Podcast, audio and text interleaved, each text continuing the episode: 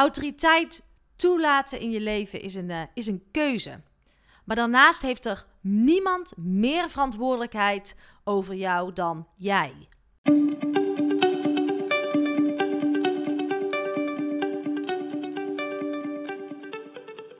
Welkom bij seizoen 3 van de podcast Stilstaan voor Dummies. Een rehab voor druktemakers, eerste hulp bij stilstaan.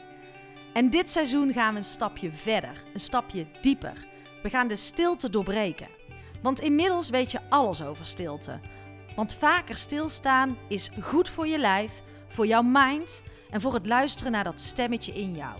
En durf te luisteren naar wat roept. En dat is al een grote uitdaging. Tijd nemen voor jezelf, aandacht geven aan jezelf, alleen durven zijn met jouw gedachten. En we kunnen niet blijven wachten op de oplossing, op de verlosser die ons komt redden. De oplossing zit niet in veel, in meer, in drukte, in veiligheid, comfort, verdoven of vluchten. Die oplossing die zit in jou en we gaan het samen aankijken. Jij mag het gaan aankijken. Jouw mooie kanten, maar zeker ook jouw schaduwkanten. We kunnen in van alles investeren: in vastgoed, bitcoins, Netflix. Maar de meest waardevolle en nodige investering die ons roept, is die in jezelf. Dat is het medicijn. Want als jij iets in jezelf verandert, daarin jouw verantwoordelijkheid gaat nemen, verandert ook de wereld om jou heen. Het start bij jou. Laten we elkaar hierin helpen, de verbinding zoeken en het is tijd voor actie.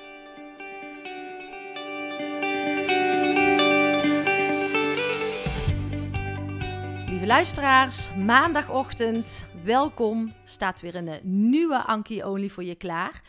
En dit keer wil ik het boek uh, Heel van Vilna van Betten bespreken. En uh, Vilna is bij mij in de podcast geweest, vorig jaar, episode 17.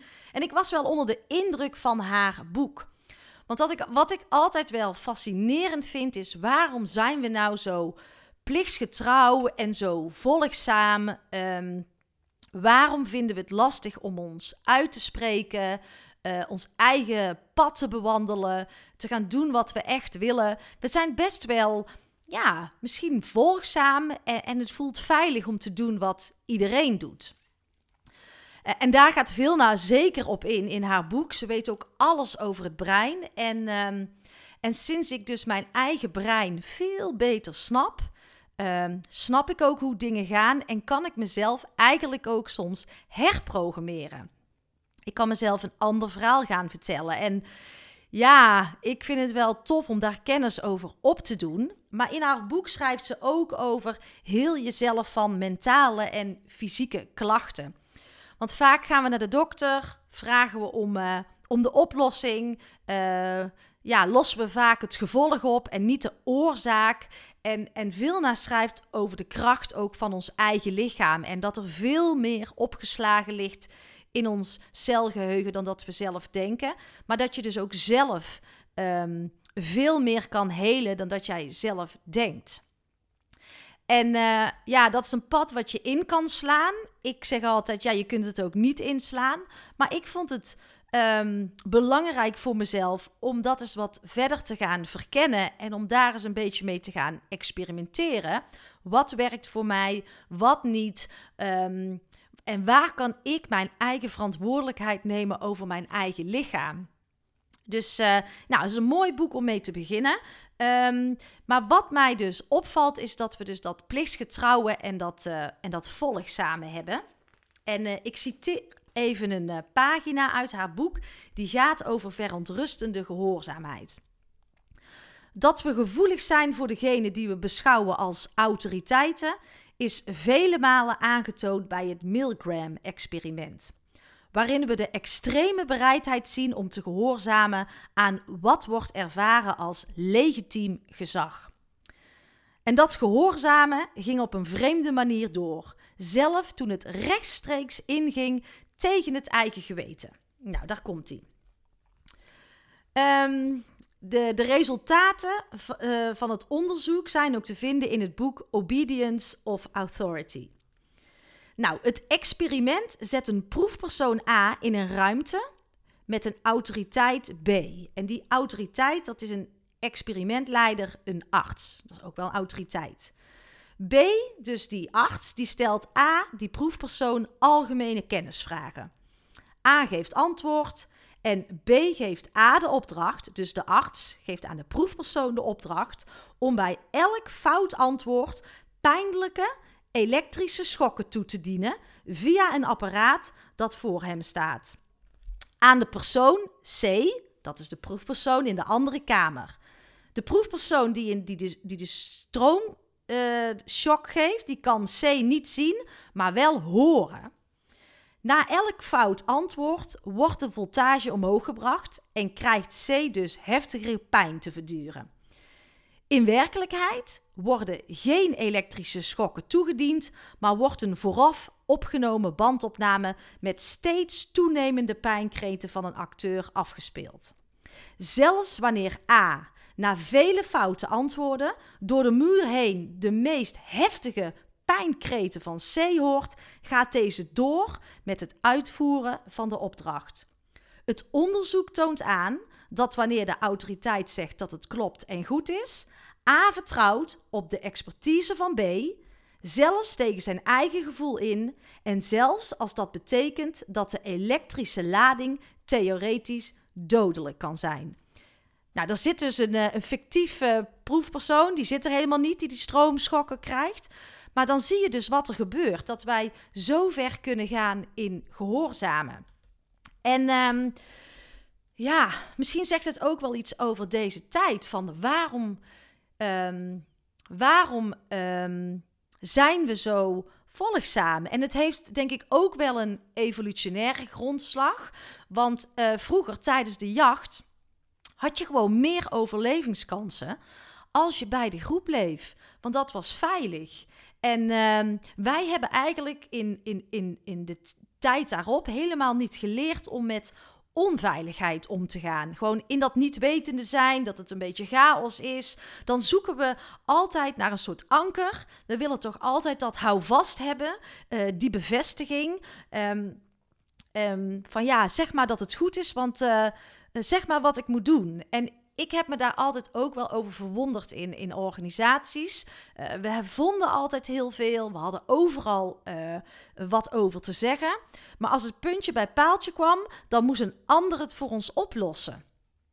Dus echt die eigen verantwoordelijkheid nemen. Gaan staan voor waar je zelf in gelooft. Dat doen we dus niet. En als ik dat dan. Nou, dat doen we dus niet. Dat doen we dus onvoldoende. En um, als ik dan kijk naar dat Milgram-experiment, dan denk ik: wauw hoe ver gaan we? Hoe ver ga jij in, in gehoorzaamheid? En wanneer ga je over je eigen grenzen heen? Ga je dan toch nog door? En hoe lang kan je dan doorgaan? Nou, als je het dan hebt over die onveiligheid, um, dan maken we eigenlijk onszelf dus het liefst afhankelijk van hetgeen wat om ons heen gebeurt. Want dat is veilig. En ik vind dat wel, als je dan even adelaart, opstijgt en naar beneden kijkt, dan in wat voor situatie zitten we dan nu met z'n allen? En um, misschien ook nog wel een mooie is dat um, alles wat als eerste tegen jouw uh, brein wordt aangehouden, want het, het, brein is zo fascinerend. Als, jij, als dit bij jou resoneert, dan zou ik zeggen: ga de eigenschappen van je brein eens ontdekken. Want het spel kan je gaan spelen. Je hebt zo ontzettend veel breinkracht. Um, er zit zoveel kennis en, uh, en kracht in je eigen lichaam. Dat als je dat ontdekt, dan ga je ook veel meer eigen verantwoordelijkheid nemen. Dus mijn advies zou zijn: ga, ga eens wat meer kennis opdoen over je brein. En dan kun je bij uh, veel naar beginnen. Um, Charlotte Labé weet ook ontzettend veel over het brein. Maar bijvoorbeeld ook als er een nieuwtje tegen jou aan wordt gehouden. Dus uh, er wordt iets tegen jou aangehouden, een idee wat in jouw hoofd, in jouw brein nog niet als een idee leeft. Het is dus iets nieuws. Het beschermingsmechanisme van jouw brein uh, doet drie dingen: judge, oordelen, doubt, twijfelen of fear, angst.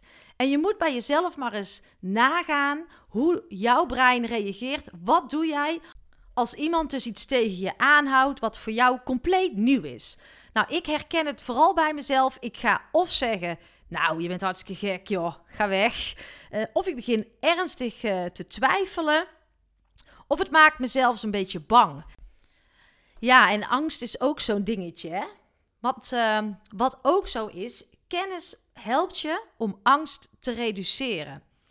En kennis die je tot vaardigheden hebt gemaakt, die helpen je dus dubbel. Dus als jij angst opvoelt komen en met name ook angst voor het onwetende, dan zou ik je dus willen adviseren om kennis op te gaan doen.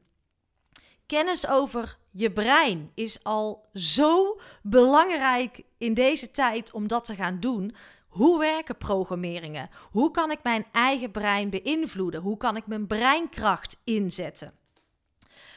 Nou ja, dus genoeg uh, interessante dingen om eens over na te denken in deze podcast. Van waarom zijn we toch uh, zo volgzaam? Waar komt dat vandaan? En um, waarom kunnen we niet zo goed met onveiligheid omgaan? En, en nou, ik heb je ook verteld, we zoeken dan dus dat anker buiten onszelf. Dat heb, hebben we helemaal niet geleerd. Maar wat nou als we dat allemaal wel kunnen leren?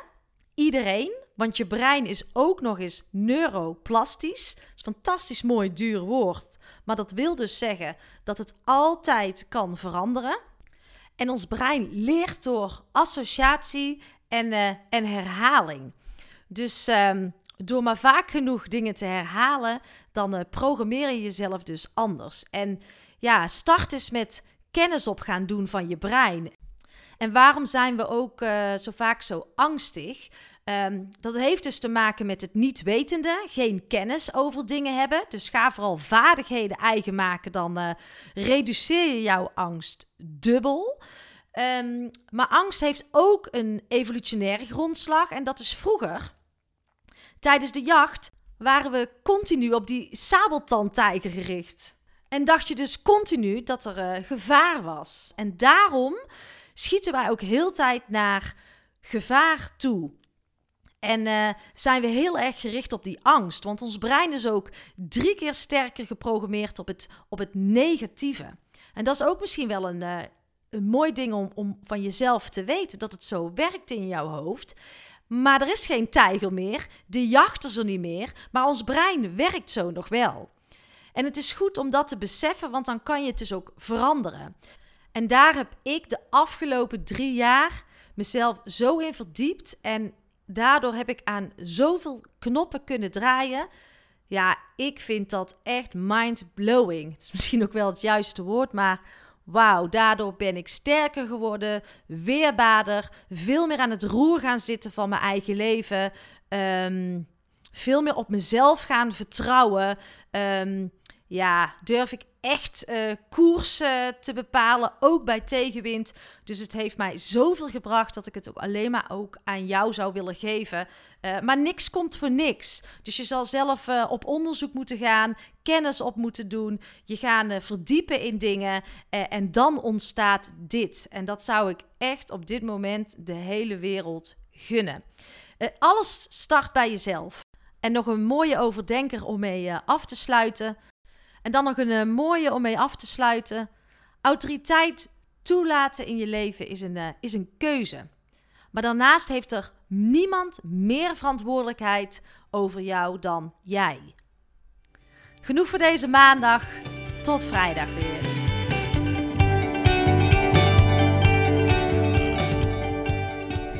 Nou, dankjewel voor het luisteren. Nou, het was een hele hoop informatie. Ik zou zeggen, haal eruit wat, uh, wat voor jou in zit. Maar zoals ik altijd ook zeg, als jij iets in jezelf gaat veranderen, uh, dan gaat de wereld om ons heen ook pas veranderen. En, en, en ja, we willen vaak uh, wel de lusten, maar niet de lasten. Maar ga in jezelf investeren. Ik kan het niet vaak genoeg zeggen. Ga kennis opdoen. Ga jezelf krachtig maken. Ga weer geloven in je eigen power. Uh, nou ja, Genoeg voor deze maandag. Ik zeg uh, tot vrijdag. Tot de volgende podcast.